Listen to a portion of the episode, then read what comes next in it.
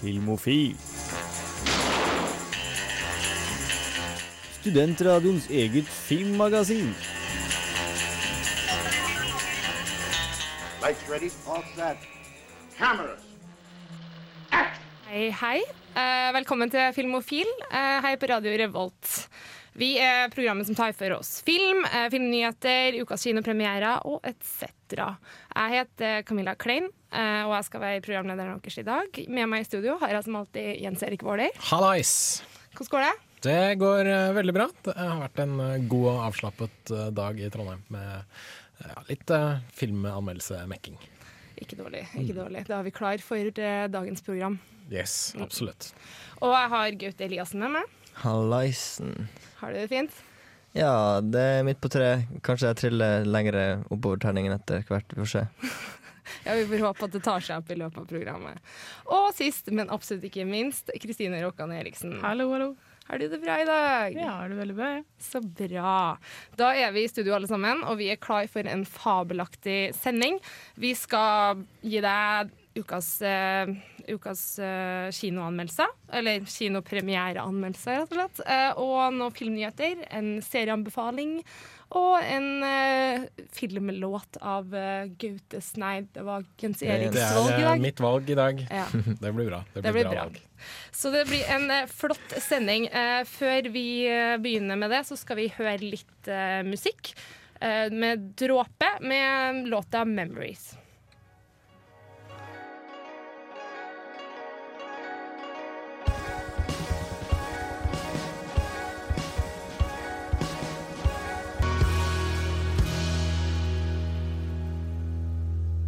Yes, Du hører fremdeles på Filmofil. Vi skal gå rett over til litt filmnyheter. Filmofil gir deg nyhender fra filmen og fjernsynets i spanende verden. Ja, jeg tar bare og kjører av med det første her. jeg. Eh, ser at eh, eh, Quentin Tarantino sin film 'Django Unchained' hadde skulle ha blitt vist i Kina. Eh, de har hatt promotering, veldig mye promotering for den, eh, men de har nå trukket den tilbake. De hadde faktisk bitte litt av den første visninga, men så kom de og avbrøt den ett minutt ut i visninga. Og det er pga. full frontal male nudity, faktisk. Fordi du ser Jamie Fox penis. Yes. Jeg tror, det, jeg tror vi snakka om Jeg tror det, uh, det er bare Vi kommer fram til at det var en stuntpenis. Ja, en stunt- Stuntjunk. stuntjunk. Ja. Jeg tror det, altså. Ja, Men, men- altså. Det kan jeg ikke si for sikkert, men jeg regner med at Ja, vi eh, får spørre kona hans. Ja, det er jeg eneste hun som vet. vi får prøve å sende et anonymt brev til henne. Jeg tror vi får noe svar. Ja, men det, er, det er veldig interessant at uh, altså Kina har blitt, blitt det store nye markedet innenfor Hollywood uh, akkurat nå, virker det som. Alle prøver å produsere filmen sin i Kina, fordi da får de ting så mye billigere gjort. Mm. Og så lenge de ikke eh, viser Kina i et dårlig lys, så tror jeg kineserne bare syns det er helt OK. Mm, Og så er det noe med det enorme publikummet som du kan benytte deg av òg. Så, så det at noe er populært, eh, big in Japan eller big, big in China, Big in det, det er gull, det. Altså, helt Absolutt. klart. Eh, det står ikke om hvorvidt den kommer til å bli De sier at den er bare utsatt enn så lenge, men det kan ikke bekreftes verken det ene eller det andre om den kommer til å bli vist eller ikke. Men jeg regner med at de må trekke det tilbake før eller siden. Så vi får se hvordan det går, om kineserne får se Django Chain til slutt. Lykke til. Videre, er det noen som har noe særlig her? Jens Erik, du snakka om at du hadde noe? Ja, jeg kan jo nevne at eh, den godeste Kon-Tiki-filmen snart skal eh, sjøsettes på amerikanske kinoer. Haha. Eh, så da er selvfølgelig regissør Joakim Rønning og Espen Sandberg eh, i USA for å drive og promotere denne filmen. Da.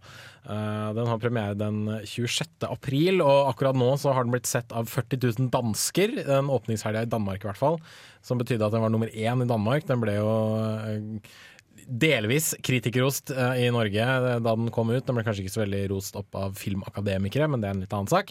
Men den har jo blitt en av de mest innbringende norske filmene i Norge, i hvert fall, på Ja. en god stund. Så det blir jo spennende å se da om amerikanerne vil ta imot den på like godt vis. Jeg regner med at hvis de ikke tar imot den på like godt vis, så lager jeg en amerikansk remake. De har en tendens til å gjøre det. av Det kommer garantert til å sitte en eller annen manusforfatter her bare sånn der, vet du hva, det der, det vil jeg lage film etter. Ja, ja, garantert. Alltid.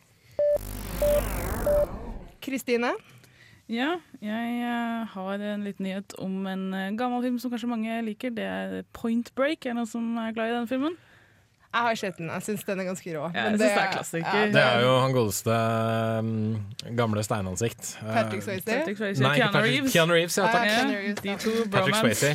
Herlig mann. Ja, så, men uh, vi skal få en remake, selvfølgelig, fordi Hollywood elsker remakes. Og det har blitt eh, annonsert en eh, regissør, og det er Erikson Core, som annet har lagd The Fast and the Furious eh, og Daredevil og gammel, uh, gammel Mel Gibson-film jeg er veldig glad i, som heter Payback.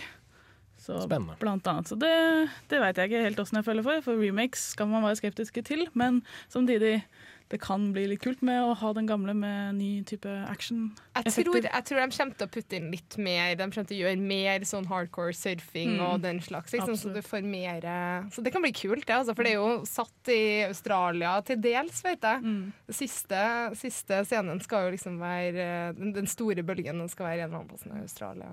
Det er litt surfing og fallskjermhopping og sånt, er det Ja, ikke det? det er ikke fallskjer, jo, det er vel faktisk fallskjermhopping i den originale òg. den siste Ja. Ja, mm, Kan bli gøy, det. Så det kan absolutt bli gøy. Da er vi ferdig med første runde med nyhetene, men eh, hold deg her på, på Filmofil, og så får vi litt flere filmnyheter etterpå. Først skal vi høre Sidebrok med Ho Hovdebygda. Bygda. Hovdebygda, ja. ja. Der har du den.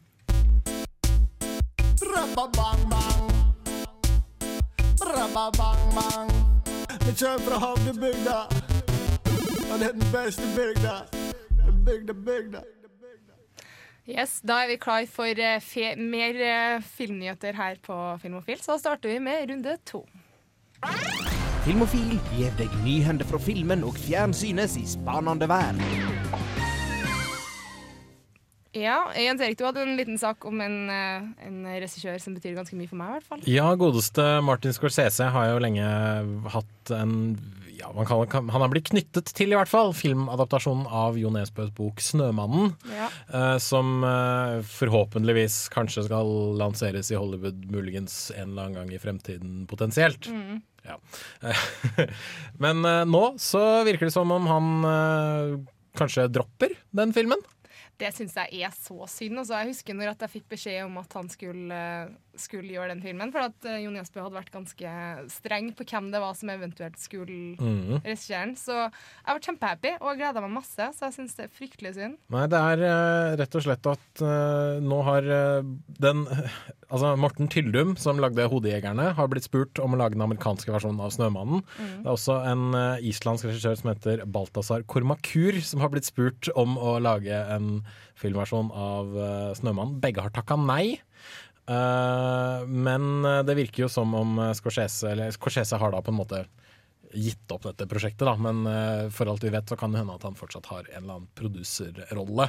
Og det kan jo for all del være en god ting, men uh, det virker jo som han Nå virker det som om de har tenkt å gi 'Snømannen' videre til en annen regissør. Jeg håper det kommer i verdige hender i så fall, og det, det er jeg helt sikker på at det gjør også. Jeg tror Jon Nesbø er ganske streng på akkurat det der. Absolutt, det tror jeg. Men de sier at uh, det er eh, kø både foran og bak uh, 'Snømannen', sier de. Så det er tydeligvis uh, noen som har lyst til å ta på seg dette her, da. Men eh, liksom å ta på seg prosjektet som eh, Scorsese etter hvert takka nei til, det tror jeg må være litt skummelt for veldig mange regissører. Ja, akkurat det, altså. Det, det er nok ikke så populært, det. Helt klart.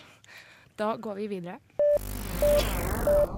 Kristine, du hadde en sak? Ja, jeg har en uh, vampyrnyhet, fordi det er vel jeg som står for det her i studio. Og det er vampyr, eh, klassisk vampyr. Det er selveste Dracula, og Universal har jo prøvd å lage en Dracula-film eh, i lengre tid. Og nå har de i hvert fall fått en eh, leading man, og det er Luke Evans, og han skal spille igjen. Det hørtes kjent ut, det Ja. navnet. Det er jo han fra Nei, jeg glemte å slå den opp. selvfølgelig. Eh, han fra Fast and the Furious, ikke det? Nei, det er en annen enn det. Det er nok en helt annen en. Ja, det er han eh, Det er jo han fra Å, nå kan jeg ingen av de eh, Selvfølgelig. Jo, jeg har sett The Three Vi så jo The, The Three Musketeers under vår maraton. Han uh, ene, ene Er han med der? Ja. Han ene musketeeren? ja. Ah. Det er eh, å, han som er Armis, er det ikke det? Arm, som er presten. Godt mulig. Den filmen var så kjedelig og intetsigende at Jeg jeg syns, jeg syns når vi så knapt den husker noen av Nei, når vi så den filmen, så var det dritartig. Det var vel første filmen? ikke? Andre filmen Andre, den er helt sykt dårlig, men uh, han spiller jo helt greit, for så vidt. Han er ikke det mest latterlige av dem. Men eh, han, jeg vil bare lese opp eh, selve plottet, for det er litt eh, gøy. Uh, så, altså, det er en origin story, da, så han skal spille en mortal prince whose family is facing a threat from the bloodthirsty sultan. In order to secure the safety of his family, he must surrender his soul and become the iconic character we all know and love. Så dette er, dette er rett og slett at vi tar uh, Vlad Tepes yeah. og gjør han om til Dracula-filmen. Så ja, jeg vet ikke. Det kan, det kan bli interessant. Det er en regissør som også ikke har lagd noe særlig annet. Eh, Så dette her kan enten bli noe helt nytt, eller ja, av det samme. Jeg syns alltid en Dracula-adopsjon er ganske artig. Ja. Altså det, altså, nå sier du det der med vampyrer, og at det er nesten du som bare tar vampyrer, men det er jo fordi at det er så sykt mye søkke vampyrfilmer. Men Dracula syns jeg liksom alltid har noe med seg. Men det fins altså dårlige Dracula 2001, for eksempel. Suger forferdelig. Det er ikke den med Gary Oldman, er det? Nei, det er bare 2000. 2001 er oppfølgeren til den Ah, som er dårlig. enda ja, den, den har jeg ikke sett. Nei, Kanskje like så greit, da. Ja. Sist, men ikke minst, så er det en person som eh, må nevnes. Ja, for eh, en eh, stor mann innenfor filmmiljøet har gått bort. Han ble 70 år, og han het Roger Ebert. Kanskje for veldig mange liksom, urfilmkritikeren, tror jeg kanskje. Eh, for meg i hvert fall så har det alltid vært veldig spennende å se en film, og så spørre meg selv Jeg lurer på hva Roger Ebert sa om denne filmen. Helt enig der. Eh, og jeg har ofte, jeg har ofte spøka litt med at Roger Ebert liker det aller meste, men eh, han var jo ganske nådeløs hvis det var noe han så han ikke likte. Han var morsomst når han ikke likte noe, syns jeg. da. Ja, så absolutt. men han hadde utrolig mye tålmodighet, i hvert fall, da han anmeldte film. Virka det som på meg. Han kunne alltid se det beste i selv skikkelige drittfilmer som alle andre hadde avskrevet. Der kunne han liksom finne den lille liksom, gullkornet. Da. Men uh, etter uh, kreftsykdom og diverse operasjoner og alt mulig annet rart, så sa han til slutt takk og farvel. Eh, et par dager etter at han sa at han skulle halvveis pensjonere seg som uh, Ja, men han holdt jo på til siste liten. ja, det er helt utrolig. Fyren har anmeldt i, Fyren har anmeldt film i over 40 år eller noe sånt nå. Han har anmeldt fem filmer hver uke. Det er pokkeren meg mye. Det er, det er fulltidsjobb, det. Ja, det er absolutt en fulltidsjobb. I tillegg så, så har han styrt en filmfestival, og han har drevet med veldedighetsarbeid, og det er ikke måte på hva han har fått til, altså. Så um, Han absolutt inspirerte meg når jeg først begynte å se på filmer på litt kritisk måte. Da. Det var han den første jeg visste navnet på av filmkritikere. Og først jeg begynte å, liksom, å slå opp også for å sjekke hva han mente. Så Og det, eh, basert på hva skal jeg si, tilbakemeldingene for å bruke det ordet da, etter hans eh, død på internett, så har han jo tydeligvis hatt mye å si for veldig mange mennesker. Oh, ja. Eh, For det er ikke hver dag en filmkritiker får en hyllest-tweet fra selveste presidenten i USA. Nei, Oi, sant? såpass, ja. Yes. Det er Så det, det viser altså. litt hvor stort impact han hadde da, på veldig mange mennesker. Big man, big man. Eh, helt klart. Så der har vi mista en viktig person. Vi får prøve Kanskje, kanskje vi har en mulig potensiell eh, Dig- filmkritiker. digre sko å fylle. Ja, Digre, digre sko å fylle. Yes. Da var vi ferdig med filmnyheter for i dag, men vi kommer tilbake straks. Og da skal vi ta for oss eh, ukas uh, kinopremiere. Først skal vi høre Local Natives med You and I.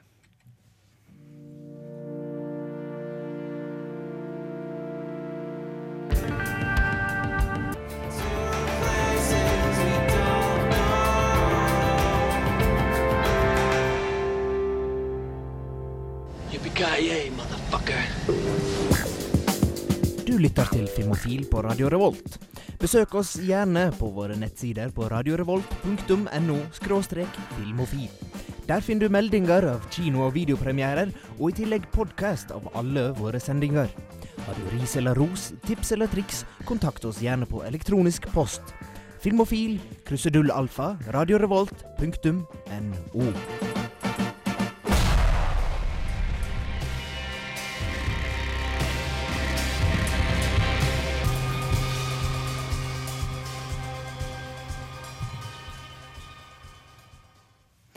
Der hørte du Sigurd Ros med 'Brennistein'. Jeg vet ikke helt er det sånn man sier det? Brennistein. Brennistein? De er jo islandsk, så Ja, akkurat. Så så- umulig å vite hvordan de egentlig skal si det.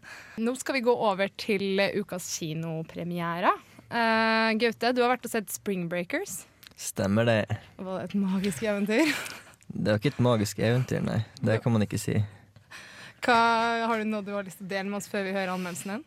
Ja, det er, en, det er en ganske intrikat film for dem det ikke høres sånn ut, så det er mye som ikke er tatt med i anmeldelsen. Blant annet den, eh, det er litt sånn spesiell klipping og sånn. Det hopper veldig fram og tilbake. Noen ganger får man høre ting som skjer før det skjer, og så er det masse sånne voiceovers i bakgrunnen som er litt sånn suggerende. Så man får sånn Det er en ganske creepy stemning, da. Men eh, det er egentlig det jeg trenger å si før vi hører anmeldelsen. Jeg hører også at du har blitt uh, veldig opptatt av Skrillex mens du har sittet og anmeldt filmen. Ja, fordi det, det åpner jo med en helvetes Skrillex-låt, og og, han har skrevet musikken i filmen, så jeg har måttet sitte og hørt på masse Skrillex for å lage anmeldelsen, men uh, nå er jeg heldigvis ferdig. Eller etter at jeg har hørt den her gangen, så Men uh, ja. Det høres jo bare ut som hvilken som helst eh, tenåringsfilm, egentlig. ja, det er det ikke. Nei. Det kan jeg si. Så det er noe utenom det vanlige.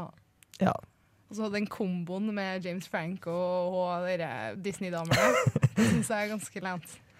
Ja, det Jeg tror ikke det, det, De der Disney-jentene De kunne egentlig vært hvordan som helst jente, de jenterollen, så det, er ikke så mye, de, det er ikke sånn de tenker over det. Jeg tenkte i hvert fall ikke over det. Jeg har ikke sett på dem på Disney Channel, så jeg har ikke noe forhold til det, Nei, liksom. Nei, men da gleder jeg meg kjempemye til å høre anmeldelsen eh, din av Spring Breakers. Da kjører vi i gang. Hi, Grandma. Having so much fun here. So nice to get a break from reality for a little while.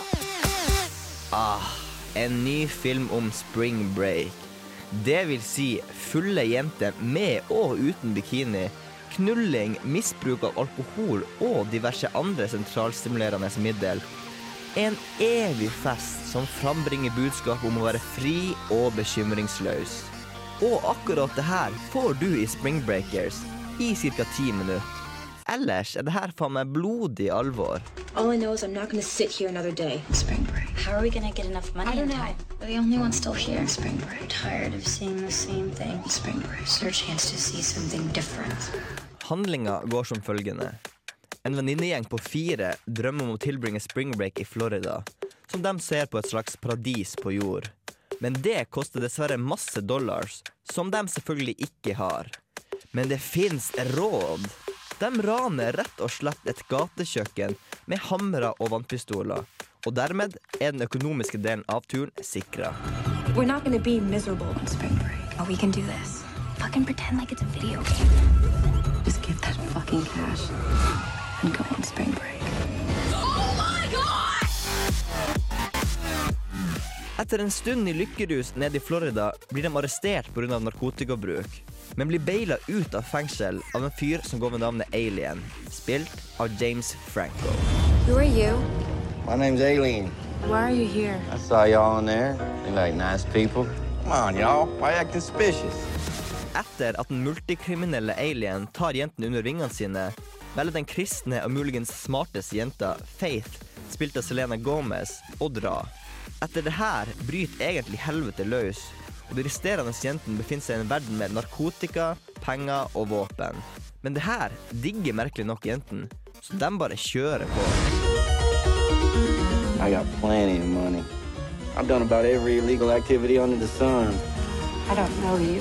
I don't know what you want with me and my friends, but you should leave us alone. Really, really bad feeling about this. Come on, spring break, you get crazy. Det formidles gjennom hele filmen en ubehagelig følelse. Jeg følte helt fra starten at ting ikke er eller kommer til å ende spesielt bra. Jeg klarte heller ikke å unngå å synes synd på hovedkarakterene. Det her er fordi de har et så mørkt syn på det de tror er lykke.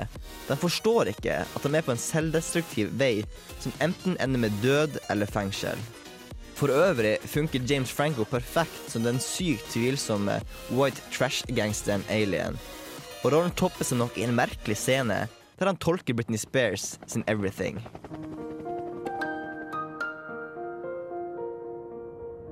Hvis man ser bort fra alle nærbildene av kvinnelige pupper og lår, gir Spring Breakers en autentisk følelse av en trashy og kriminell amerikansk kultur. Det er stygt, ubehagelig, harry og smertefullt å følge med på. I tillegg er det forvirrende og veldig rart. Samtidig som noen av valgene jentene tar, virker meget usannsynlig. Men det her er nok muligens akkurat det regissør Hermione Corrin vil formidle. Man skjønner på mange måter ikke helt hva man har fått med seg. Til tross for det her er det en spesiell film med personlighet, som viser en overbevisende hard realitet. Og terningkastet trilles derfor til fire.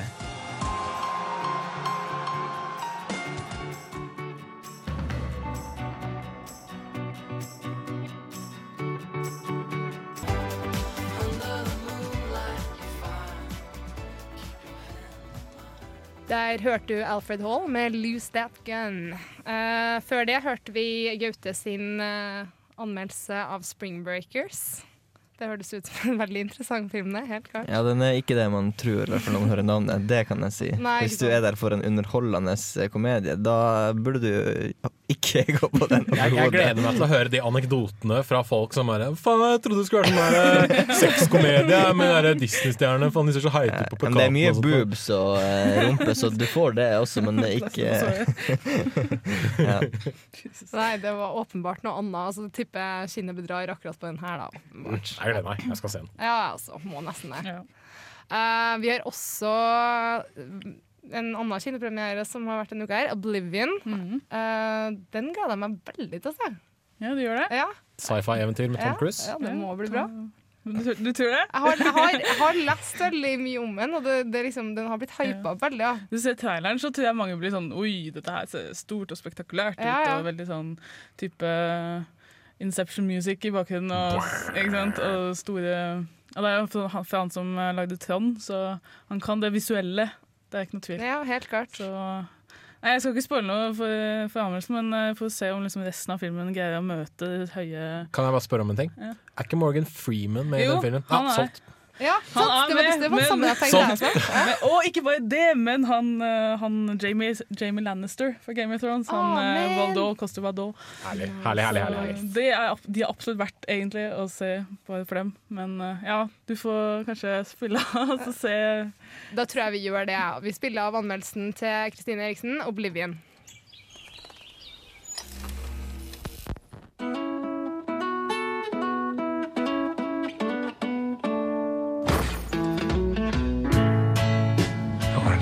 Rest of my life here. Jack, Jack. An object came down in 1-7. Got it. On my way. Vi vant krigen, men mistet jorden, sier fortellerstemmen over lange sekvenser av jordens nå øde strekninger.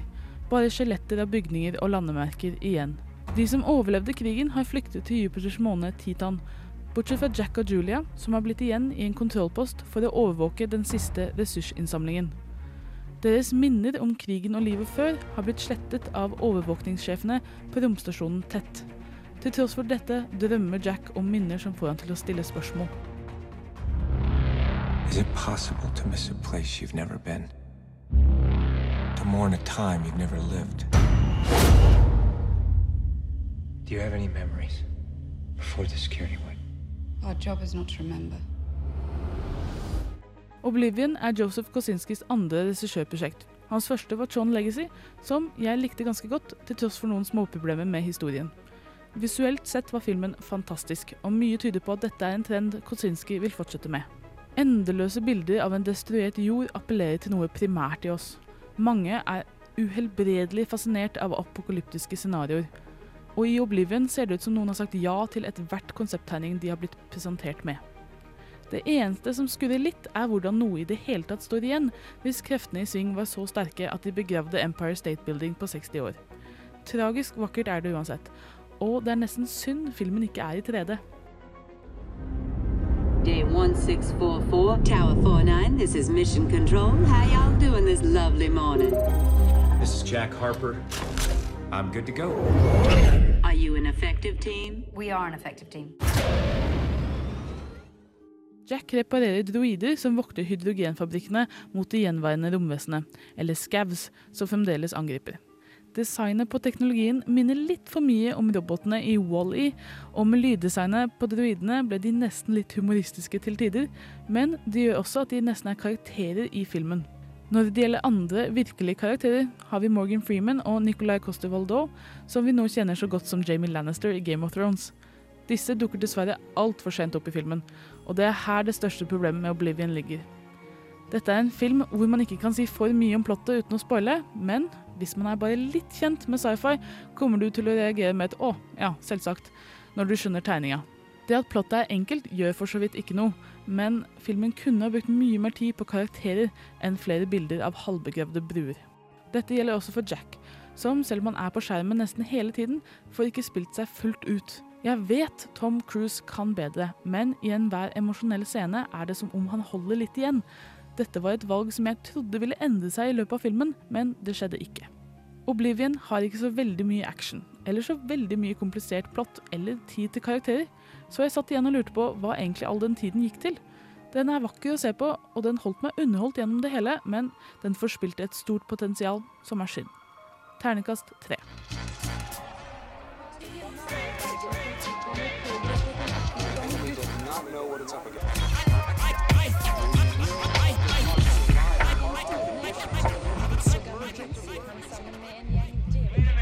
Wait a minute. You ain't heard nothing yet. Wait a minute, I tell you.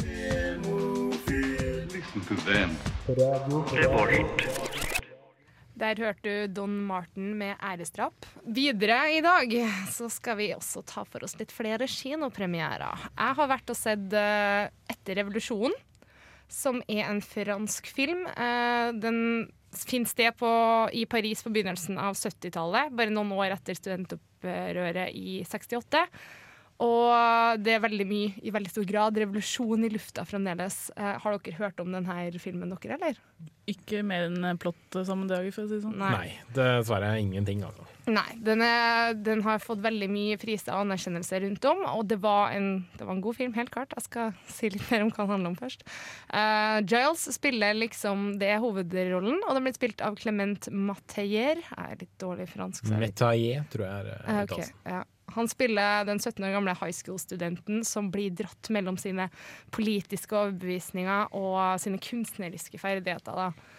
Uh, han strever veldig med her med at uh, det han har lyst til å oppnå som kunstner, går litt imot, på en måte, eller til en viss grad imot de politiske overbevisningene som, som han burde gjøre. Da. Det Altså- blir en tro, troskrise. det, ja, til en viss grad. Det er, liksom i, det er mer det der med at han vil ha litt som, han vil ha litt friere tøyler for å få det beste mulig kunstneriske resultatet. Mens eh, de litt mer ekstreme kompisene hans føler at man må følge visse normer da, for å få det så bra som mulig. Så som en aspirerende filmregissør og kunstner så drives han av lidenskap til kunsten, noe som medfører at han til tider gjør ting som kompisene hans mener er unødvendig for saken. Da.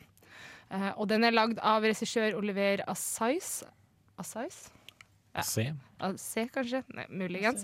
Eh, som har lagd en del andre filmer som også har fått veldig mye eh, ros. Jeg har ikke sett noen av dem, dessverre. Eh, men denne filmen er da til dels selvbiografisk, så den bygger liksom på hans erfaringer på den tida eh, som regissør. Uh, og jeg syns at denne filmen her skildrer et bedre bilde av 68-generasjonen enn noen annen film jeg har sett. Det er veldig veldig hippiestemning i lufta. Det handler egentlig mer om ungdom som prøver å finne seg sjøl og sine meninger og verdier i livet, mer enn egentlig det ekstreme krisen som er i gang. da. Så dette med revolusjon og sånt, det blir bare et bakteppe? Ja, mer som egentlig. Du har liksom all slags mulig revolusjonære mennesker. som er, Noen er maoister, noen er marxister etc. Og det spiller egentlig ikke noen rolle, fordi det handler om personene i større grad enn annet. Og det er en kjempefin film å se på. Eh, veldig, veldig vakker. Den er spennende. Det skjer ting hele tida. Gode dialoger. Hvilken type filming er det? Sånn, er- ser det ut som en film fra den tiden, eller er det moderne?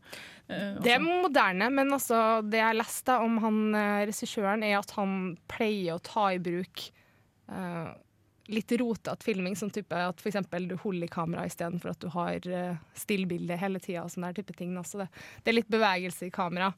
Noe som får fram liksom, det kunstneriske i det og alt det der. Da. Så, sånn sett, og siden den er selvbiografisk i tillegg, så føler jeg at han har sikkert benytta seg av samme type For vi får se litt av filmen som han filmer og sånn der type ting. For han er jo aspirerende regissør. Eh, De har det med å lage pene filmer, franskmennene. ja, helt klart. Og, og musikken er helt tida. De spiller veldig mye av den musikken som kom ut på den tida, som, som oppmuntrer til den type eh, Altså den revolusjonen som var i gang, på en måte.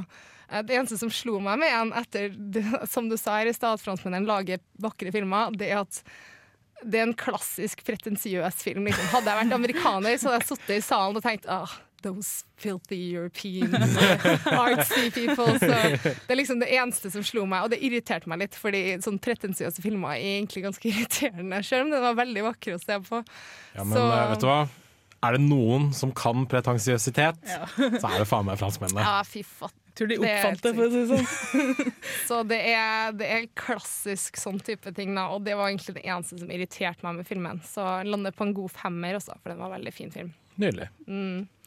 Eh, flere filmer som har kommet ut. Den her er jo også Warm Bodies. Den har vi jo snakka om ganske Ja, vi, Ja, vi gjør et helt hopp fra fransk studentoppgjør til uh, zombieapokalypsen. Ja. Uh, det er liksom ikke noen annen måte å gjøre det bare sånn veldig drastisk. Uh, nei, det Ja, hva, skal jeg si som, som ikke har blitt nevnt før? Det er jo en romantisk komedie, da. Men der den ene som forelsker seg, er en zombie. Og ting skjer, for å si det sånn. Det er zombie-varianten, bare litt mer morsom, av eh, Twilight, da. Ja, det, det kommer noen litt sånn eh, humoristiske sleivspark da, i retning av eh, alle den type filmer. Og så har den, den har noen veldig kule øyeblikk, og så har den noen øyeblikk som ikke er fullt så kule, Ja. for å si det på den måten. Du har ikke noe mer du har lyst til å dele med oss før vi hører anmeldelsen din? Nei, egentlig ikke. Jeg tror det meste oppsummeres eh, ganske fint. All right, Da skal vi høre anmeldelsen til Jens Erik Våler av Warm Bodies. What am I doing with my life? I just want to connect. Why can't I connect with people? All right, it's because I'm dead. Er du en av de som synes zombiefilmen har blitt gammeldags søppel? Er du lei av at horder av sjanglende lik spiser hjernen til nok en arrogant og overmodig macho-kis med svær gunner? Vil du heller se en zombiefilm som er koselig? En zombiefilm som lar deg oppleve historien fra den dødes perspektiv? Da burde du i så fall sjekke ut Warm Bodies, en romantisk komedie der en levende død inntar hovedrollen. I wish I could introduce myself, but I don't remember my name. I think it started with an R. That's all I have left. It's kind of a bummer. I shouldn't be so hard on myself. I mean, we're all dead. This is my best friend. We even have almost conversations sometimes. I en alternativ virkelighet har USA blitt oversvømt av zombier, men disse vanndøde er noe litt utenom det vanlige. De innehar fortsatt en viss selvbevissthet, og kan til dels både kommunisere og tenke fritt seg imellom. Midt oppi alt dette møter vi zombien R. Han går gjennom sitt liv etter døden uten særlig mål og mening, bortsett fra trangen til å spise menneskehjerner. Når R en dag støter på Julie, skjer det noe uventet. Han blir forelsket. Når han attpåtil spiser damas kjæreste, blir bare følelsene enda sterkere. R sine menneskelige trekk begynner dermed å komme tilbake igjen. Denne oppvåkningen får ringvirkninger i resten av zombiesamfunnet, og R og Julie må gjøre det de kan for å unngå å bli drept av både menneskelige overlevende og instinktdrevne beinrangler som kun er ute etter hjerner. They call these guys bonies. They'll eat anything with a heartbeat. I mean, I will too, but at least I'm conflicted about it. Det vi sitter på, er altså zombieversjonen av Romeo og Julie, hvis det ikke var åpenbart for de aller fleste. Selv om utgangspunktet, altså romantisk komedie med zombier i hovedrollen, er ganske originalt, følger filmen en relativt uoriginal og velkjent formel. Dette synes jeg er synd når utgangspunktet er såpass godt.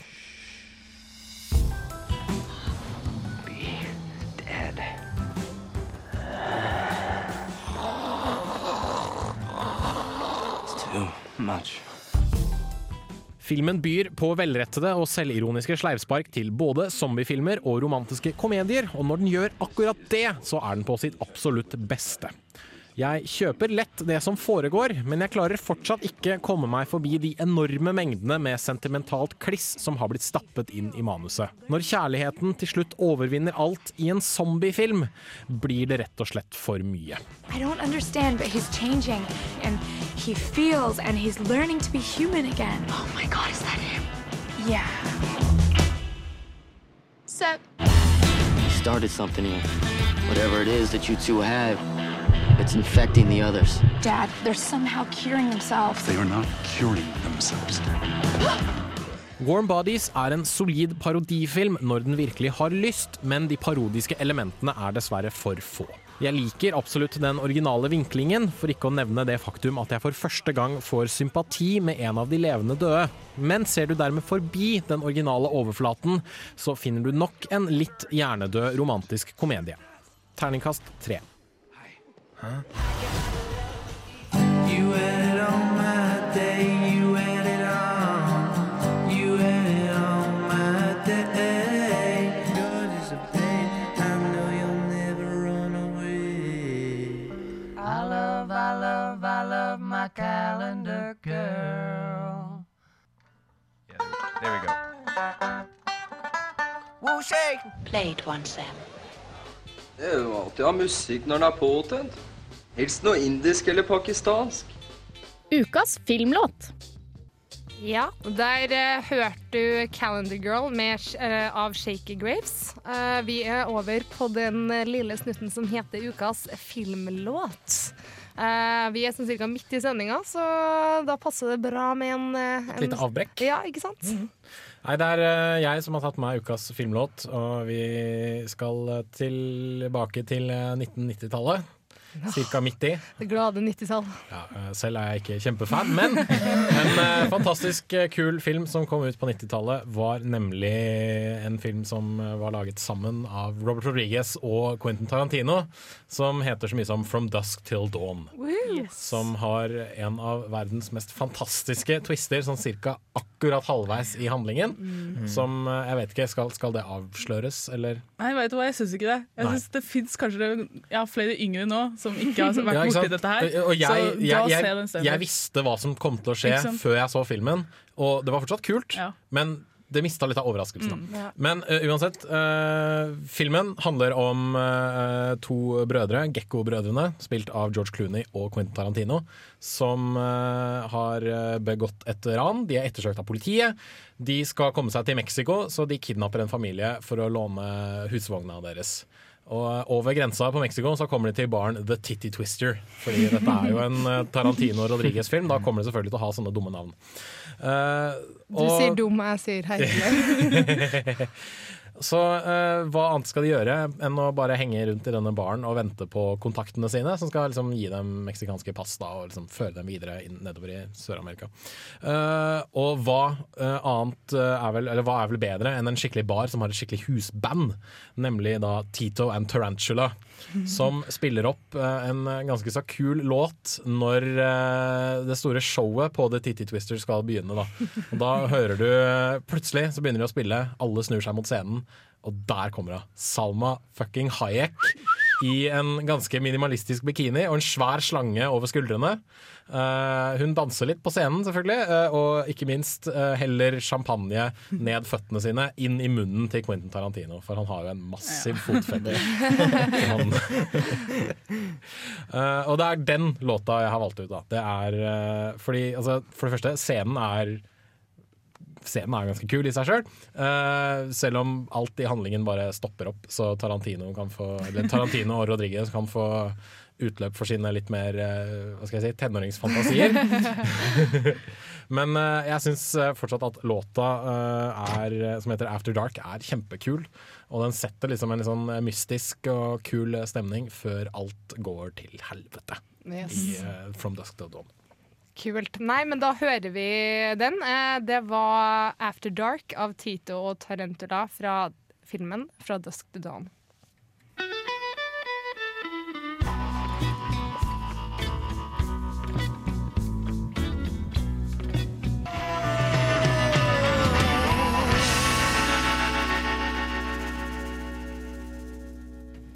Det var stemninga. Jeg kunne nesten se oss om Hayek slang seg over scenen. Mm. Jeg må hjemme seg se From Dusk Till Dawn. Ja, nei, jeg tror jeg må gjøre det også. Det begynner å bli veldig lenge siden jeg har sett den. helt klart. Eh, nå skal vi over til Videonytt, som er, går ut på hva det er som har kommet av Blu-ray og DVD på hylla eh, på de nærmeste platekompani etc. denne uka. Nytt i videohylla. Rykende ferske digitalfilmer som du kan ha i din heim. Ja, det har kommet en god del ut på video denne uka. Ja, det meste virker som om det er eller ikke det meste da, men det er en del ting som er knytta mot barn, selvfølgelig. eh, som vi alltid liker å gjøre narr av. Eh, er du glad i Byggmester Bob? Kjør på. Lokomotivet Thomas. Er det bare meg, eller kommer de der ut hver eneste uke? Det kommer, alltid, det kommer alltid noe Byggmester Bob. Ja, det Eh, gjør faktisk det.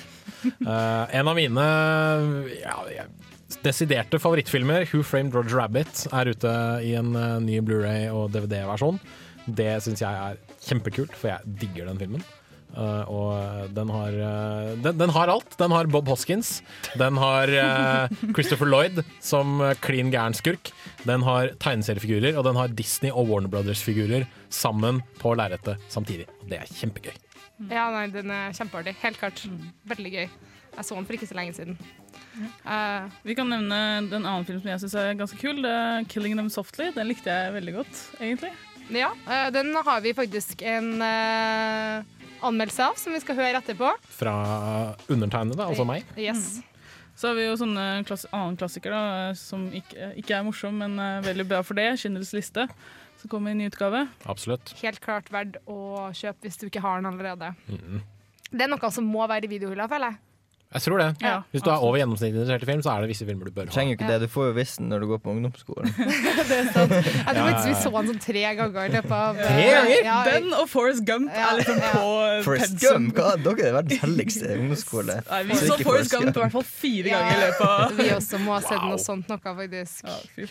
Eh, skal vi se. Schindlers liste fire, tre ganger, altså. Herregud. Ja, men så I løpet av alle de årene jeg gikk på skole. Jeg tror vi så den én gang. Hver gang du får en ny lærer, så skal han vise filmer, og da er det Forrest han på Schindlers liste. Jeg mener at vi så den eh, på ungdomsskolen to ganger, og så vi den på videregående en gang. Herregud. Mm. Ja, ja. Så det er åpenbart en viktig film å se. Eh, ellers så har vi blant annet Hobbiten, som har kommet ut. Den skal vi snakke litt mer om seinere. For den fikk vi ikke lagd noen anmeldelse av, for den kom jo i juleferien Yes. for vår del. Så, men jeg er helt sikker på at vi har nok å si om den alle sammen, regner jeg med. Kan jo finne på noe. Eh, da skal vi ta oss og høre litt mer videonytt eh, etter vi har hørt eh, Dandy Distored av, med Dancing Show.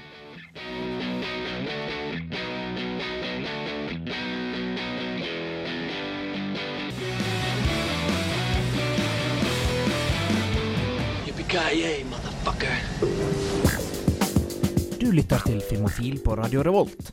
Besøk oss gjerne på våre nettsider på radiorevolt.no filmofil. Der finner du meldinger av kino- og videopremierer, og i tillegg podkast av alle våre sendinger. Har du ris eller ros, tips eller triks, kontakt oss gjerne på elektronisk post. Filmofil, krusedullalfa, radiorevolt.no.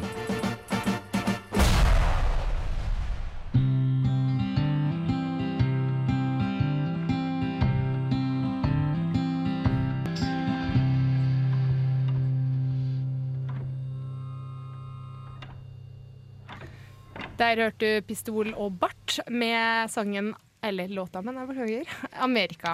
Uh, vi drar tilbake til videohylla for å se hva som har kommet ut denne uka her. Uh, Hobbiten, folkens. vi hadde venta ganske lenge Vi hadde ventet lenge på denne eh, filmen. her Ja, altså. det var jo en av de tingene som det alltid var veldig mye snakk om skulle skje, og så Mm. Skjedde det på en måte aldri. Og så vips, så kom den der første, første eh, hva skal jeg si, sånn innspillingsdagboka til Peter Ja. Jackson. Mm. Så liksom bare sånn for å slå spikeren ned, i ned i bordet med en gang for å si at ja, nå kommer det. Nå skjer det. Og det var veldig gledelig for min del. Altså. Ja, ja. Jeg syns det var en utrolig kul film.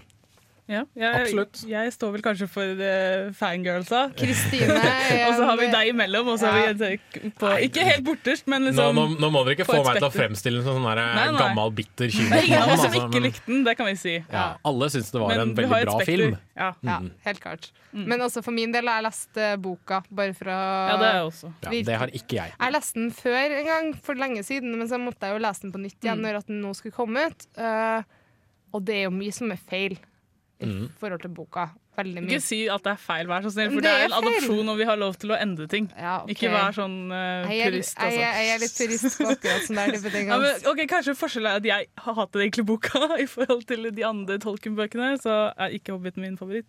Så det er kanskje derfor at jeg er så glad at alt er endra. Ah, OK, det kan hende. Men jeg må, jo, jeg må jo si meg litt enig i at det er, det er litt irriterende å tenke det at dette er en bok som er på rundt 300 sider, Mm. cirka, Mm. som strekkes ut til tre filmer på sånn cirka tre timer per Mm. film. Mm. Det, det er noe for meg i hvert fall, det føles noe fryktelig feil og kynisk og Jeg, pengegrist jeg føler at over ja, det. da. det blir bare veldig Ringenes herre-runking. Altså. Ja. Det blir liksom få, få alt som er verdt å få ut Ja, men nå av må, dere tenke, saken nå må dere tenke litt på hva Hobbiten egentlig er. Altså, fordi Hobbiten er en barnebok, men den Hobbiten, altså fortellingen Altså, myten er en del av et stort univers, og Hobbit-boka ble alltid, altså fra min side ble alltid sett på som liksom en barneversjon av en, noe som virkelig da skjedde i Ringens herre-verdenen. Så den Hobbiten vi ser, er liksom det, altså det som skjedde som den boka eventuelt ble en myte av. Jeg, f- jeg føler ikke at Mm. Hobbiten er noe mye mer barnebok enn Karines herre, egentlig. Å jo, den er, den er bra mye barnsligere. Den er, det, altså, bare måten den er skrevet på, er utrolig mye barnsligere. Man, man ser det kanskje litt i filmen. Altså Disse dvergene for eksempel, er veldig comic Det er sant. relief-figurer, for men så det, vidt. Men det har de jo også. Nå har vi bare egentlig opplevd én dverg, men han har nå alltid vært veldig comic relief, ja, egentlig. det, det er absolutt sant. Så det blir jo mer egentlig karakterene, dvergene, da, mer enn noe annet. Altså I boka så er jo Thorin Oakenshield mye mer altså, morsom, og han synger, og han er Mm. glad, og han spiller og på Jeg husker ikke om det er fløyte eller noe sånt, men Mm. Altså, boka er veldig barnslig. De synger, alv- når de kommer til Revendale, så synger alvene en sånn morsom, søt liten sang, og, liksom, og de er der og har det gøy i flere uker, og så dør de videre. Mens her så er det politiske ting, og det er historiske problemer og fordommer og sånne ting. Det husker jeg tenkte over faktisk når jeg leste boka, at uh, de var så fnisete og hadde så gøy, Mm. alvene her. Og det er jo absolutt ikke den på en måte det bildet vi har fått av alver fra 'Ringenes herre'. For der er de veldig, veldig sånn Men dette er jo før, før all liksom, seriøsiteten trengs, da, for så vidt. Jeg syns det var kult å se den scenen i Hobbiten når øh, øh, Å, herregud, da. Når Hugo Weaving, øh, Elrond, ja. Elron, takk, kommer liksom ridende inn i Kløvendal etter at dvergene og, og Bilbo har ankommet, og så er han så han er, så- han er så positiv, og så han er så kjempeglad for å se Gandalf, Mm. og, og syns dette her er kjempeflott. Min gamle venn er tilbake. Mm. Og så ser du bare å faen, nå er det et eller annet alvorlig her. Det er så ålreit å se at Mm. han var ikke alltid sånn superseriøs og veldig alvorlig og øh, vi, vi må komme oss videre. Og, Det er sant. Men han må jo ikke synge for den del. Altså, boka er jo, da, liksom, da er det bare gøy og fanteri, liksom. Mm. Så det er en barnebok i forhold til filmen. Ja, og så har de vel også putta inn Galadriel, for hun er ikke med i boka på det tidspunktet. Nei, det, det, det syns jeg var litt unødvendig. Det skal jeg gi dere. Altså. Det, Galadriel trengtes ikke i det hele tatt. Men hun er jo så fin. Ja. Det var derfor jeg må ta med. Eller Sar- Saruman for den del kunne egentlig bare det å henge seg, fordi han er irriterende og Vi har en veldig stille person imellom oss her, gutt. Jeg har jo ikke sett filmen, så det Krise. For dårlig. Ja. Nei, det er bare Jeg er ikke fa så fan av Ringenes herre heller. Jeg har ikke noe behov for å se Hobbiten. Eh, ok, Ærlig sak. ærlig sak. Mm. Eh, klassiker det der med å liksom skulle se de to første filmene og så ikke se den siste. Nei, jeg gidder ikke å se den siste. Sånn. Altså, jeg, veit jo hvordan det slutter. jeg, har, jeg har en kompis, og han leste hele Ringenes herre-boka. Um, og så synes han plutselig så kom han på at det her er jo kjempekjedelig. Og så bare slutta han når han hadde 50 ja, sider igjen. Jeg har en så mye, eh, Søsteren min har ikke lest siste Harry Potter-boka, liksom. Jeg har ikke lest den siste Det- Ringenes herre-boka. Men altså, går ja. siden vi ikke har lagd en ordentlig anmeldelse av uh, Hobbiten, skal vi alle sammen gi hvert vårt terningkast? For jeg er helt sikker på at vi har gjort oss opp et i hodet For jeg allerede. også gi det bare ut ifra hva dere sier. Nei, du er silent vote akkurat det her også. Shit. Abstain, dessverre. Okay. Jeg tror vi begynner med Jens Erik. Nei, jeg må, jeg må nok trille meg til en femmer til slutt. sist. Altså. Det, det var absolutt en underholdende film. Mm. Det er absolutt godt håndverk, og 3D-en er kjempe, kjempebra. Men eh, jeg klarer liksom ikke gi den helt toppkarakteren, for det var et par ting som, som skurra for meg. Det blir det samme for meg. Eh, det blir en femmer fra meg òg. Kjempefilm. Eh, men altså, det, var ikke, det var ikke sånn at jeg tenkte what the fuck? Og så bare liksom ble blown away, og det her er faen meg dritbra. Liksom. Det var ikke noe sånn. Så. Men kanskje Kristin Sånn tenkte, er det retta mot meg? Ja, altså, for meg så blir det sånn at fordi jeg ikke likte boka, og jeg var veldig sånn skeptisk når jeg satte meg ned i salen og tenkte uff, nå må jeg sitte gjennom en filmversjon av den boka som jeg egentlig ikke liker. Men så ble jeg så overraska at de hadde på en måte gjort alle endringene som jeg tenkte ville vært bra hvis de gjorde. Mm. Akkurat som Peter Jackson hadde sett inn i hodet mitt og bare lagd min Hobbit. Og det var så fantastisk. Og med det i tillegg bra 3D, som jeg aldri hadde opplevd før, Mm. og dritkul sånn eh, high frame rate, så har jeg ikke noen grunn til å spare på sekseren, for å si Nei, sånn. nei men bare- det er helt innafor, det. Ja. da fikk jeg en eh, femmer, femmer og en sekser. Og eh, ikke noen karakter fra Gaute, for han har ikke vært sett. Ærlig sak, det. Ærlig sak. Vi kommer tilbake til videohylla rett etter Jimmy Hendrix sin Isabella.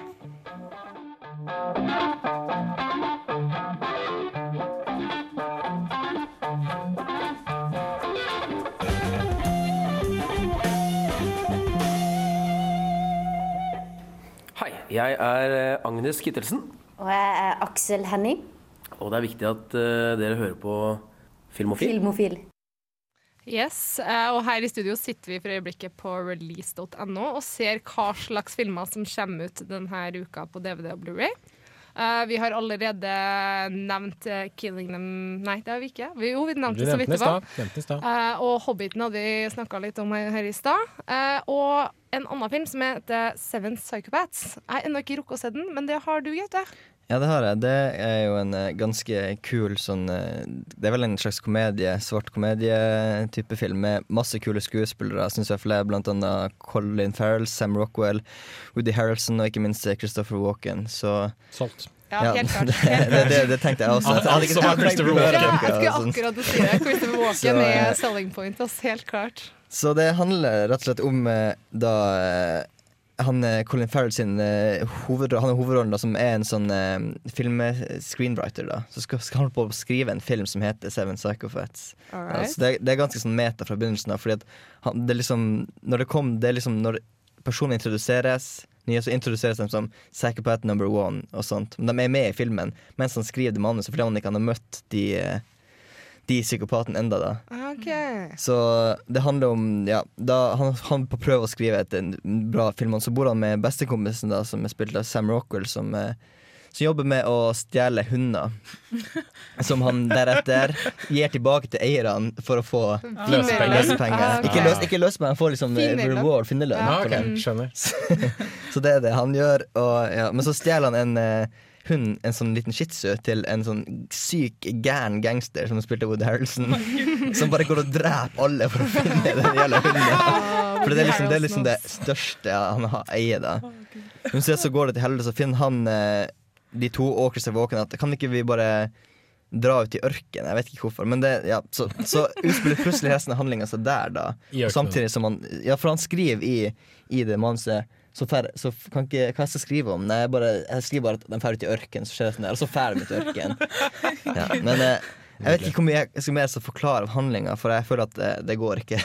men eh, den er, den er ganske morsomt, men den er ganske alvorlig også til eh, tider. Men eh, jeg liker karakterene veldig godt, da. Og så innser vi til slutt at uh, den som man ikke skal tro var den største psykopaten, er absolutt den største psykopaten. Er de ekte psykopater da? Fordi jeg tenker liksom Hvis han er glad i den bikkja, da, Woody Harrelson, så er jo ikke det Det er crazy, men det er ikke psykopat. Men han er jo er crazy crazy, han er crazy killer man. Ja, Da. Han liksom- går og dreper en kona til en eh, person bare fordi han tror at eh, det, ja, Du han, skulle ikke tro at han greide å binde seg til en hund i, i det hele tatt, liksom. Hvis han, Nei, nei, men det er jo det som gjør han psykopat.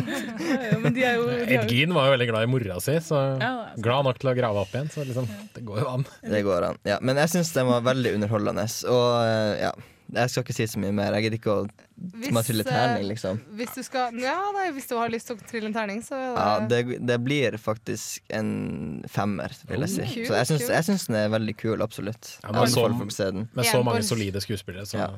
Må man jo nesten prøve å få sett det. det er sant.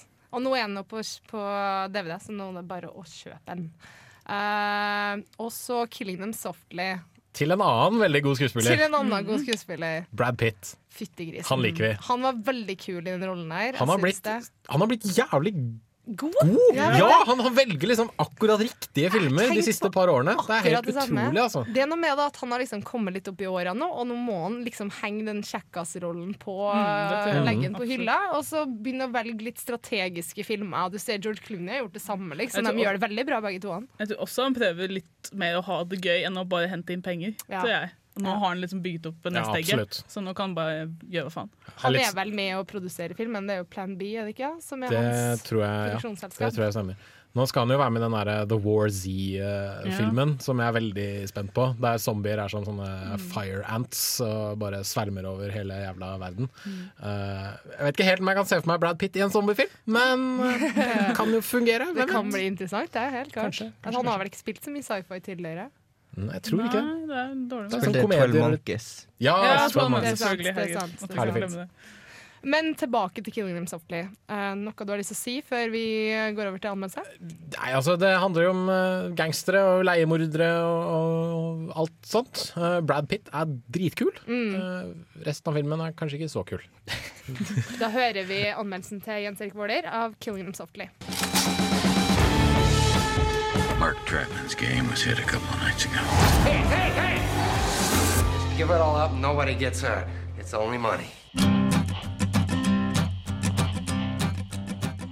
Filmer om økonomiske nedgangstider er ikke akkurat noe nytt, men 'Killing Them Softly' setter formelen på hodet og gir oss en gangsterfilm med økonomisk nedgangskrise og presidentvalg som bakgrunn. Filmen er en hardtslående, brutal og kynisk metafor for USAs siste økonomiske krise, og fungerer helt greit som det, med en ypperlig Brad Pitt i hovedrollen. So where do we go from here? We start with Travis. They are not okay anything major here. What does that mean? They just want you to talk to them. Hey, what's going on? Hey, hey! Talk to them. Shove them around a little. Don't hurt them too badly, because they don't want them hurt. To småskurker raner et mafiafinansiert pokerspill og legger skylden på en mafiaboss som har forsøkt seg på akkurat dette før. Dermed blir leiemorderen Jackie Cogan, spilt av Brad Pitt, kalt inn for å rydde opp i sakene og få gangsterne til å begynne å gamble igjen. Denne tilsynelatende enkle historien bruker regissør Andrew Dominic som en allegori for den økonomiske situasjonen i USA, slik den var før presidentvalget i 2008. Gangsterne i filmen er redde for å bruke penger på gambling, akkurat som det amerikanske folk var redde for å bruke sine egne penger og stole på sitt lands økonomi. You're in a position very few guys ever get in. You have choices. Look, I don't know if I can do this. You made a mistake, and you gotta make things right. There's a man Filmen presenterer underteksten subtilt i begynnelsen, men den blir etter hvert noe tyngre levert. Opptak fra president Bush sine taler om den økonomiske krisen blir spilt av på både radio og TV i flere nøkkelscener, og det føles litt som om allegorien stappes ned i halsen på meg. Samtidig virker den ganske unødvendig, da dette kunne vært en ganske kul gangsterfilm uten allegorisk subtekst. We got the two kids. One of them starts bragging about how he just knocked over this guy's game for 100K. I don't know what it is with these guys. They can't keep their mouth shut about nothing. Goes up like a bonfire. I love it. Miljøet vi trer inn i er dominert av menn, og de viktigste hovedpersonene er alle hardbarka gangstere eller leiemordere. Ingen av dem er spesielt likende typer, og den eneste man i det hele tatt kan relatere seg til, er Brad Pitt, som for øvrig gjør en fantastisk og moden rolletolkning av leiemorderen Cogan. Dette miljøet er også meget voldelig, der du virkelig føler hvert slag og hvert pistolskudd gjennom filmens lydmiks. Blod spruter til alle kanter, folk griner seg i senk, og volden er så langt fra glamorøs og stilisert som det går an, men aldri så brutal at man føler seg tvunget til å se vekk. Hvis noe føles volden som en nødvendighet i forhold til det gangstermiljøet vi får delta i, og regissør Dominic takler det hele med en voksen tilnærming. Cry, they plead, they call for their mothers. And the man comes around. Men til tross for subtekst, sterke voldsskildringer og gode rolleprestasjoner fra folk som Brad Pitt, Ray Liotta og Scoot McNairy, skjer det overraskende lite i 'Killing Them Softly'. Og dette er filmens største problem. Handlingen er rett og slett for tynn. Det er veldig mye prat og dialog i filmen, men brorparten kunne du ha klippet bort da den er irrelevant. Dermed kunne du sikkert ha fått en bedre og kanskje kortere film i tillegg. Det er mye bra å hente i 'Killing Them Softly', men vær forberedt på mange intetsigende og overflødige scener. Terningkast fire. Don't make me less. I'm living in America. And in America, you're on your own.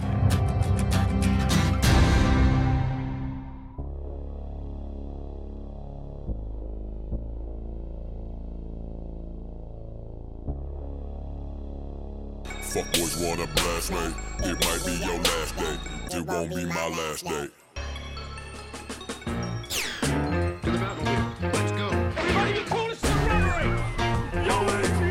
Dette er Filmofil.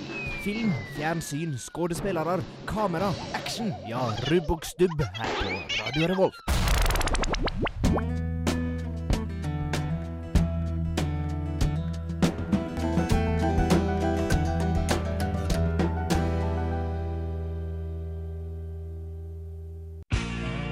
Hei!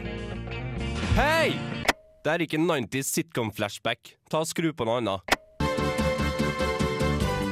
Ja, bedre, men prøv igjen. Der, ja! Ahem. Filmofil presenterer ukas serie. Yes, da var vi på ukas eh, serie, og som eh, mange av dere antagelig hører, så er det Californication som er denne ukas eh, valg. Ja, jeg håper jo ikke at alle kjente den, for det, det er ikke vits å anbefale noe hvis alle har sett det. Det er sant, det er sant. Men eh, det, er, det er altså den serien jeg skal anbefale, for jeg syns det er en eh, sykt eh, kul komediedramaserie som eh, handler om forfatteren Hank Moody, som eh, spilles av David du, hva det var? Duchovny. Duchovny, som er kjent fra X-Files tidligere. Han er så tidligere. Kul. Elsker David Bowie. Han har forresten en veldig kul gjesterolle i Twin Peaks, der han spiller transvestitt. For reals? For reals. Nice. Enda en grunn til å se Twin Peaks. Han uh, spiller uh, Denise, som tidligere het Dennis. Ah. Anyway. Tilbake til Hank Moody. Ja, ja, ok, men han, jeg syns faktisk den Hank Moody-rollen er helt sykt kul. Jeg vet Ja. han har vant en uh, del priser for den også, har han gjort. så Hvis jeg tar en forfatter da som ofte skriver, sliter med skrive, skri, nei, skrivesperre og eh, masse personlige problemer, deriblant at hans eh, elskede Karen, hans one true love, eh, som oftest ikke ville ha han da, fordi at Han gjør det dumt. han drikker alkohol hele tida, og han eh, har sykt mye sex med forskjellige kvinner. I hvert fall tre ja, Minimum tre hver episode, vil jeg tippe. Kanskje, kanskje litt inspirert av virkeligheten, for David Duchovny har jo rykte på seg for å være sexavhengig. Det kan godt være, faktisk. Eh, Ja, så han eh, fucker det jo alltid opp. eh, Og hun Karen, da, som han elsker, har jo han også en datter med, som heter Becca. Som, ja, han tabbet seg alltid ut og gjør livet surt for dem fordi man egentlig bare vil være sammen med dem. Det er jo det han alltid vil, egentlig. Ja, ja, Men det går jo aldri bra. Nei, det, om ikke Si at han har fått en sjanse til, og at det ordner seg, han oppfører seg godt, så er det noe som kommer fra fortida og bare Han har, blusser opp. ja, for når han vil at det skal gå bra, så har han uflaks. Da skjer noe som ikke han kan styre. Så han, eh, det skjer Han, han, har, han, har, han har det jo aldri bra, da. Men det er så derfor han drikker sykt med alkohol. Og, Det er litt sånn, Han har det aldri bra, men han har det alltid fett. han har det så jævlig fett! Alle kompisene mine som ser på det, de vil jo være Hank Moody. Han er jo Jeg vil være Hank Moody, liksom. Ja. Det, er jo, det er jo ikke drømmelivet, men det ser ja, men jo det, det er jo bare liksom sant, være en uh, forfatter som sliter, men uh, ja. Det er jo, ja. Men eh, heldigvis har han sine skaller skalla og steinkåte bestekompis eh, Charlie Runkel. Som, som også er manageren hans. Ja, som også er manageren, som man kan støtte seg til når det står på så verst. Og han er jo også en eh, grunn for at serien er så sykt bra, fordi han han er bare så sykt morsom. Jeg vet ikke hvordan jeg skal forklare det. Han, han må i hvert fall være sexavhengig. For at, eh, han ble jo sparka av en av jobbene sine fordi at eh, han masturberer så sykt mye på jobb.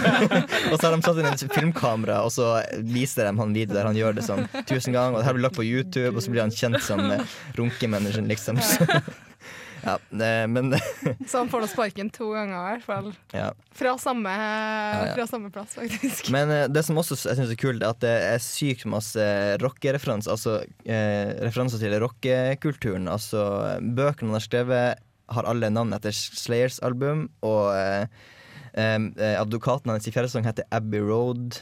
Abbey Roads heter hun. Så det er masse, masse Hvis du liker rockemusikk, så er det også skikkelig bra. Og at det er veldig mange kule gjesteroller som kommer innom. Og Ekstremt. som, eh, ja, som Jeg vet ikke jeg kan, hvem jeg kan nevne. Du nevnte jo hun der han, eh, som spiller Mia. Ja, hun som var med i hun dattera i, i Yngste dattera som spiller i Nanny, en Ja. serie vi har snakka om litt tidligere ja. her. Hun har en, eh, en ganske viktig rolle, i hvert fall i de første sesongene. Fordi at han har sex med henne og finner ut etterpå at hun er bare 16. 16. Mm. som jo ikke er særlig bra. Og så er, jo også dattera til hun som Karen er i lag med. Nei, Ja. han som Karen er i lag med. Ja, så det, som hun er gift med, ja, ja. faktisk. Ja, så det baller seg jo alltid bare på.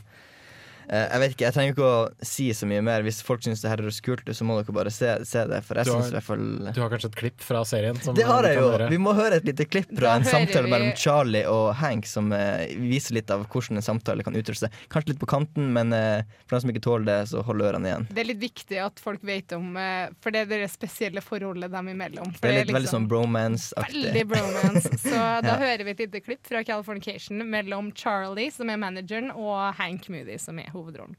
What are you gonna do? I don't know. I guess I'll probably masturbate to something dirty on the internet while I wait for Stuart to show up and spend the night. Solid plan. What's on the menu these days? I'm glad you asked. I'm extremely partial these days to live sex cams. Yeah, for just a couple of bucks a minute, they'll do anything you want. I got this girl to drink her own pee the other day. What is wrong with you? What? This is why you can't find a girl. You're too busy making them do disgusting things on the internet. You should be ashamed of yourself. I am? Good. Now hug me. I'm gonna go. Charlie?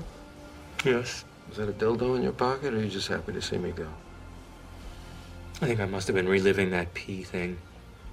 Now it's just a shame boner. Ja. Det, det er en veldig Jeg må si at det er en veldig drøy serie. Du lærer alt om alt mulig slags typer sex hvis du ikke vet det fra Ja, før. ja, ja, Om ja. det verste som finnes, snakker de om og forklarer, og noen gang skjer det. Sykt artig når Marilyn Manson skal eh, Teabagge. teabagge han som spiller ja, rockestjerne. Ja. Atticus Finch, som er en, i siste sesongen der ja, Han skal skrive en rockemusikal sammen med Atticus Finch. Han Hank Mood, Marilyn Manson er jo ja, Han har en cameo der han er, er bare sykt nasty fyr. Fy faen, sykt ekkel. All right. Ja. Nei, men uh, nok om Californication. Jeg håper folk ser den, for det er en utrolig, utrolig kul uh, serie. Da skal vi høre på Outcast med I, I'll Wild Blue.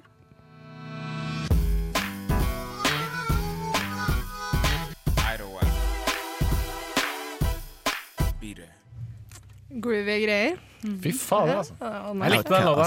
Mm, kult, Ja, det er kult. bra. Bra folk, ass. Da har vi dessverre kommet til slutten, hvor vi må si ha det bra. Men før det, en liten oppsummering eh, av ukas kinopremiere. Uh, Gaute, sett Spring Springbreakers, Breakers, terningkast fire. terningkast fire, og Oblivion. Terningkast tre, dessverre. Ja. Men jeg skal se den likevel. Ja, altså. se den hvis du er sci-fi-fan, for guds skyld, for det er, det er fint å se på. rett og slett. Eh, jeg har vært et sted etter revolusjonen. Eh, veldig fin fransk film. Får en terningkast fem. Og sist, men ikke minst, den neste omtalte, egentlig. Ja, kanskje I vårt program, da, eh, kanskje? Ja, jeg tror det. Uh, Warm Bodies. En romantisk sommerfilm som, som fikk en terningkast tre. Hvis du er en håpløs romantiker, så er det bare å løpe og se. Hvis du tenker at å, det skal være en dritkul sommerfilm, så kan du holde deg unna. Jeg syns at konseptet med warm bodies Nei, at det skal være en romantisk zombiefilm, Ja, ja. er ganske artig i seg er da. det er absolutt originalt. Mm. Og det, det, det er jo, den er jo verdt å se, men når du kommer ut av kinosalen, tenker du kanskje at nei, det var ikke så veldig mye til filmen. da. Vi har jo liksom Shaun of the Dead er jo romantisk, den òg, føler jeg. Ja, men der er det jo begge to Ja, mennesker, da, ikke sant? Ikke en menneske og en zombie. Ja, anyway. Vi har uh, også hatt en serieanbefaling. Det var Californication. Dra og se den. Det ligger på Netflix. for hvert tre eller to sesonger. To sesonger to på Så se det da, Mm. først. Så, ja. Og ukas filmlåt var uh, Tito and Tarantula, After Dark fra From Dust to Dawn. Yes. Det var dagens uh, sending. Vi ses, hørs neste uke. Uh, nå skal du ta også få høre Iron and Wine med Caught in the Briars. Ha det bra for nå.